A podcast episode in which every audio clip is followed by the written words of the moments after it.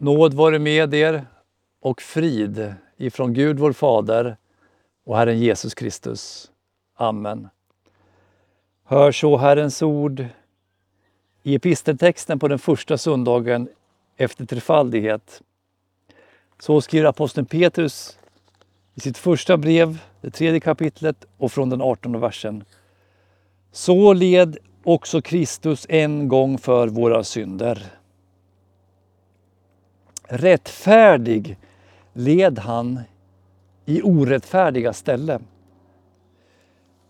för att föra oss till Gud. Han blev dödad i köttet men levande jord genom anden. I anden gick han bort och utropade ett budskap för andarna i fängelset, för dem som den gången var olydiga när Gud tåligt väntade under Noas dagar, medan arken byggdes. I den blev några få, åtta personer frälsta genom vatten. Efter denna förebild frälser dopet nu också er. Det innebär inte att kropp, kroppen renas från smuts utan ett rent samvetes bekännelse till Gud genom Jesu Kristi uppståndelse. Han som har stigit upp till himlen och sitter på Guds högra sida sedan änglar, furstar och makter har blivit lagda under honom. Amen. Herre, helga oss i sanningen. Ditt ord är sanning. Amen. När Silvanus sätter pennan till papyruset och nedtecknar det som Petrus skriver, det som Petrus säger till Silvanus så är året ungefär 62. Han befinner sig i staden Rom och de han skriver till är plågade kristna i församlingar i mindre Asien, alltså nuvarande Turkiet. Det är dessa han har i åtanke. Ja, vi förstår faktiskt så mycket bättre texten om vi greppar det historiska sammanhanget. Flera församlingar hade bildats i den regionen som tillhörde romarriket. Men den förföljelse som hade drabbat församlingarna var inte någonting som var sanktionerat av kejsaren av Rom. Det var lokala angrepp. Ungefär liknande de som Paulus mötte under sina missionsresor. Vi vet inte hur de såg ut eller varför de skedde. Men vi ser av apostlagärningarna att folk alltid finner anledningar till att angripa de kristna. Kristna avvek. Varför deltog de inte i de romerska offren till avgudarna? Varför hedrade de inte kejsaren genom att tända rökelse åt honom? Vad gjorde de egentligen när de samlades på söndagarna? Judarna de kanske undrade varför de samlades på söndagarna och inte på lördagarna som de gjorde. Och idag säger folk Varför läser ni Bibeln och ber till en Gud som ni inte ser? Varför älskar ni en korsfäst jude? Varför tror ni att ni äter Kristi kropp och dricker hans blod i nattvarden? Varför döper ni människor med vatten? Varför skulle lite vatten göra någon skillnad? Men framför allt, det som skapar anstöt hos människor är vad då? Jo, det är korset. Korset är en dårskap för hedningarna, en stötesten för judarna. Korset vittnar om att våra synder är så stora att Guds son måste dö för dem. Det är ett starkt budskap för stolta människor. Och korset vittnar om att vi ingenting kan göra för vår frälsning. Gud själv, hans son, måste dö för att vi ska få en frälsning. Korset skapar anstöt hos människor. Petrus själv, han visste att han skulle möta martyrdöden. Och det gjorde han också bara ett par år senare i Rom. Och han gjorde det på det sätt som Jesus hade förutsagt. Genom korsfästelse. Petrus ger de plågade församlingarna i mindre Asien perspektiv. Han talar om Noa och tiden före floden. Noa hade predikat i 120 år för döva öron. Världen var fallen.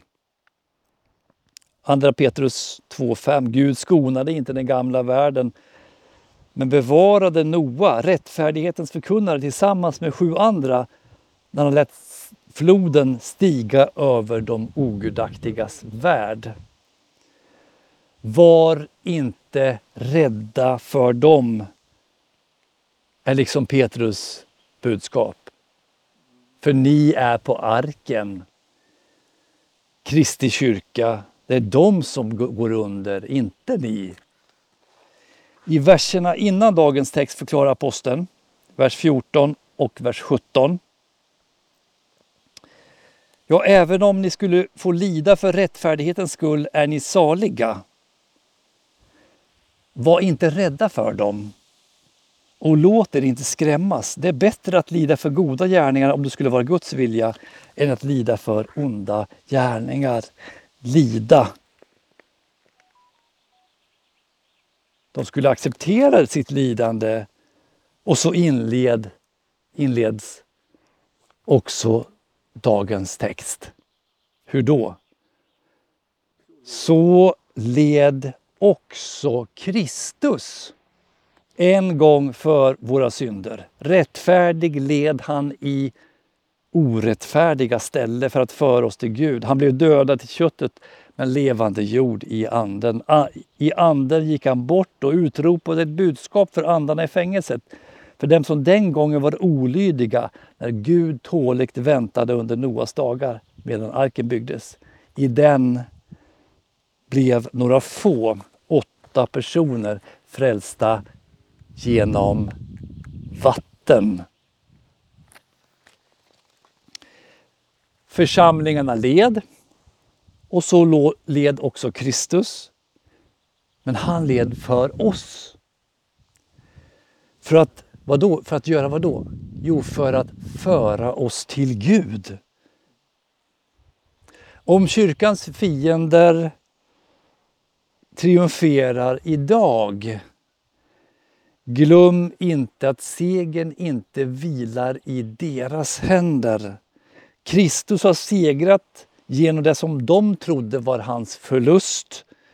Och han stiger triumferande ut ur graven. Han stiger triumferande ner i helvetet för att utropa segern. För vilka då? För syndaflodens människor, som vi läste om.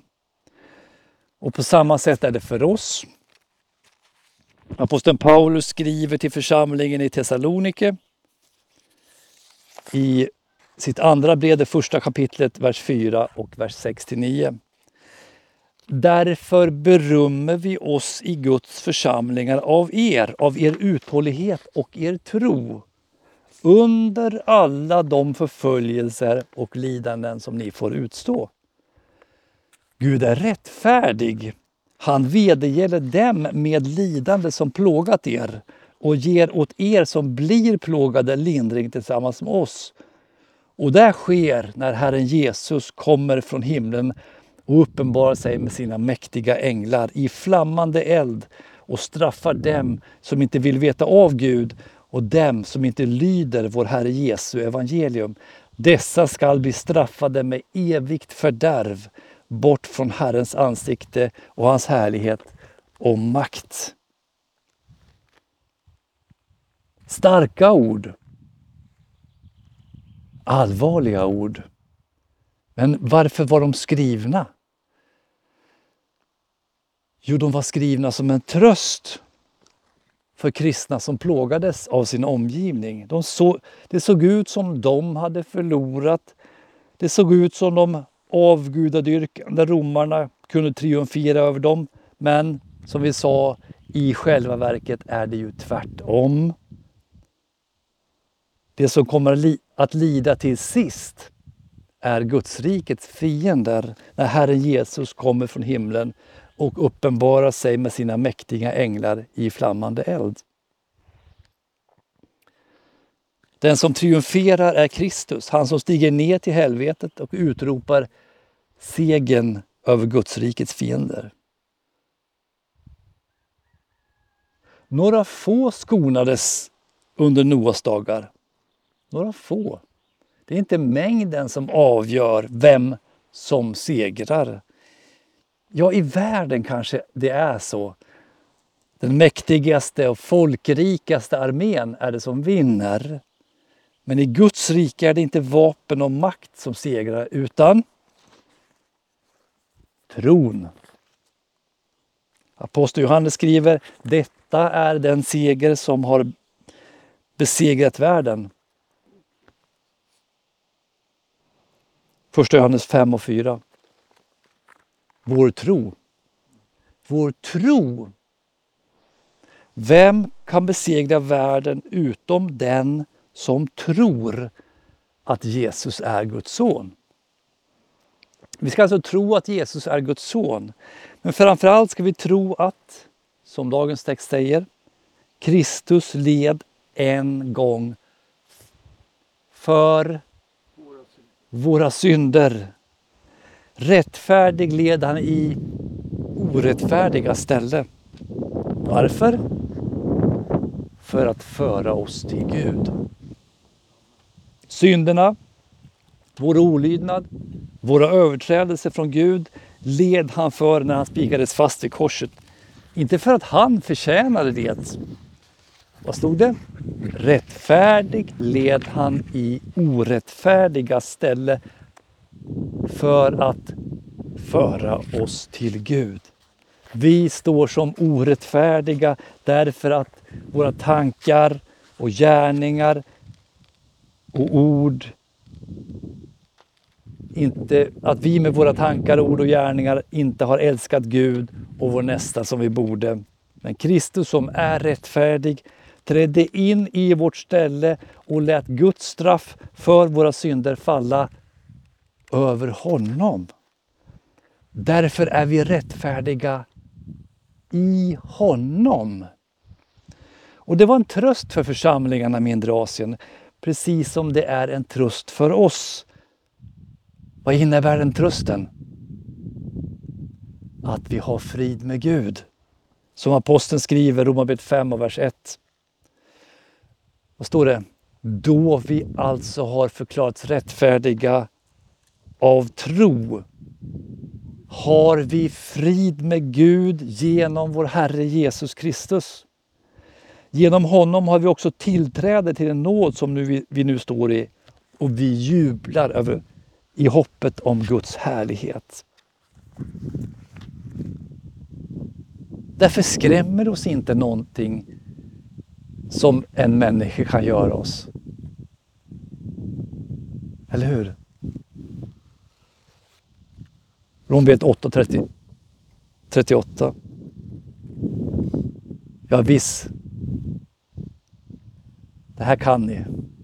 Jag är viss om att varken död eller liv, varken änglar eller furstar, varken något som nu är eller något som skall komma Varken makter, höjd eller djup eller något annat skapat skall kunna skilja oss från Guds kärlek i Kristus Jesus, vår Herre. Och för att vi skulle vara, för att vi ska vara helt säkra att vi är på arken,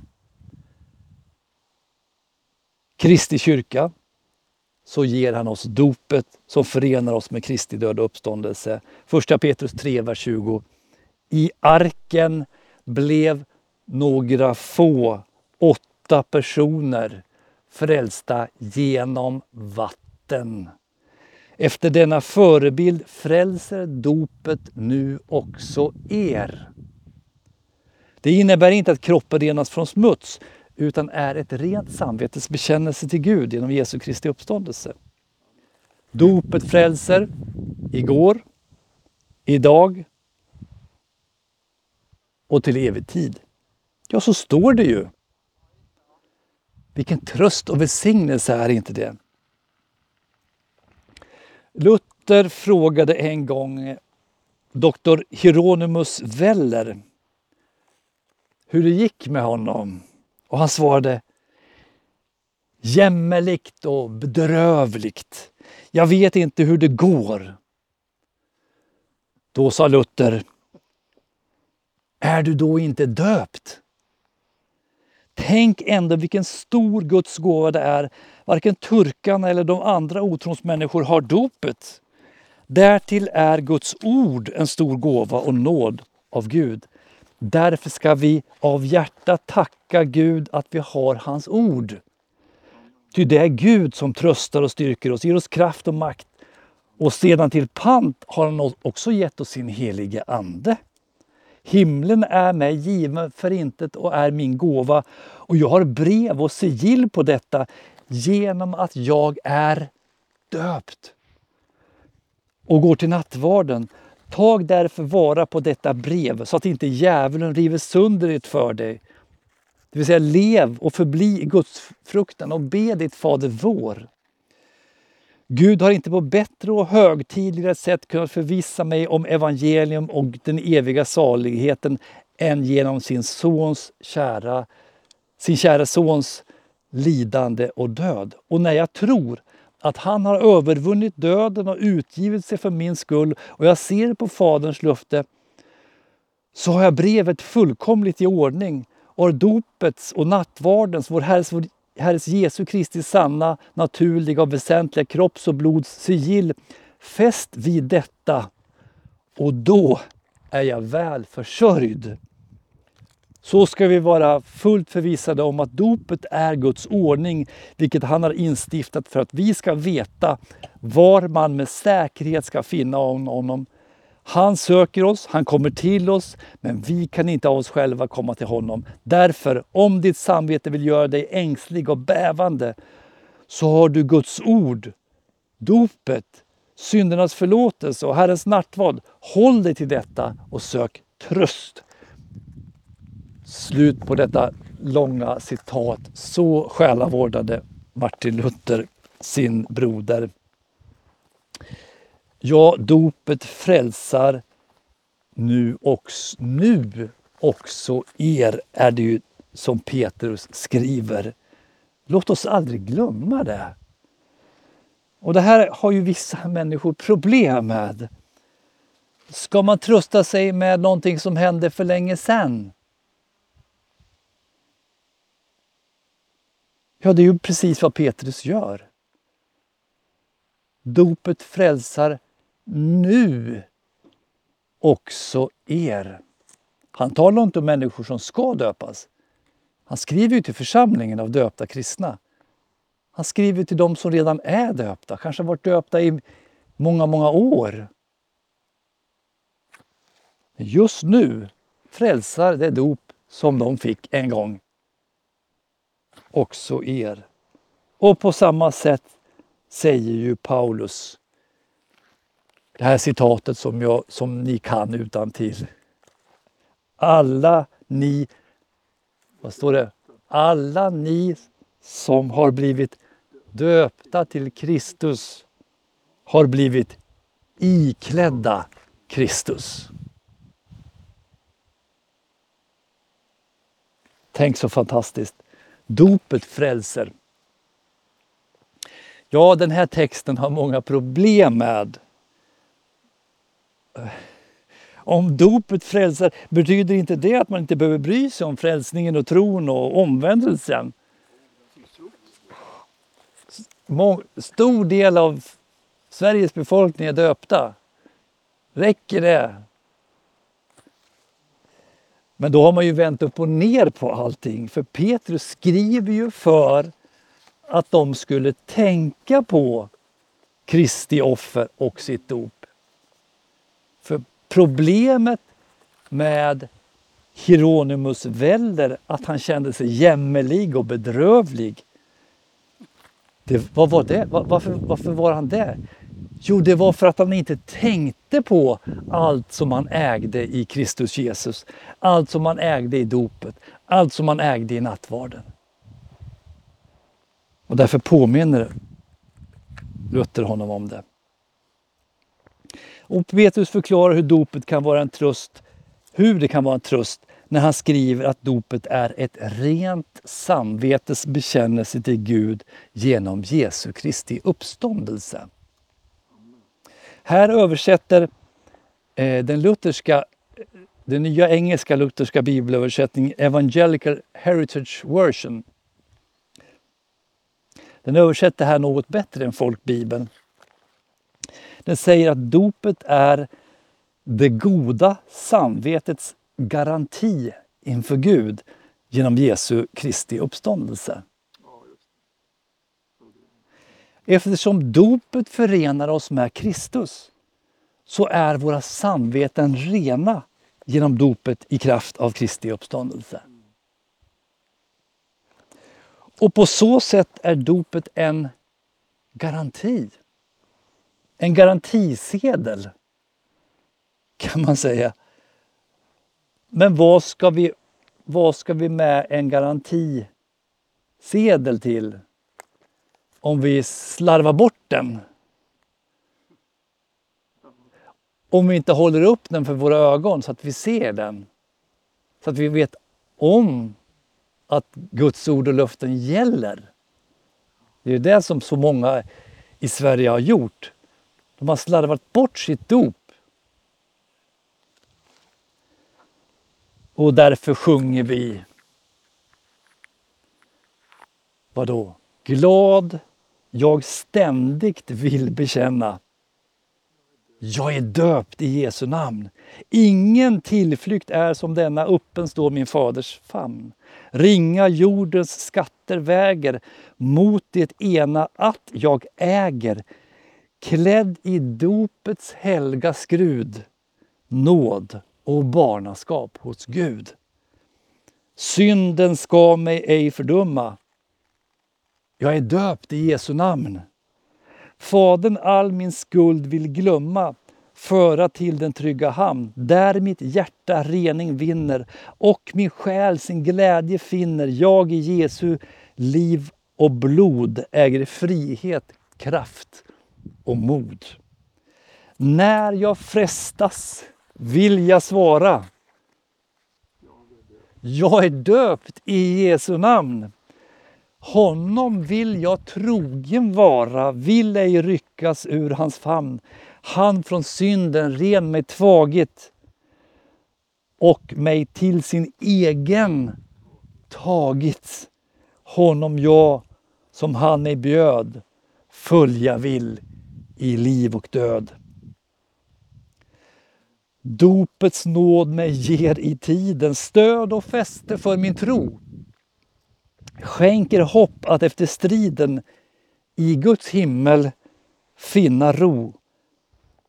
När en dag min blick ska brista. Vill jag säga i det sista. Jag är döpt i Jesu namn. Fader, tag mig i din famn. Amen.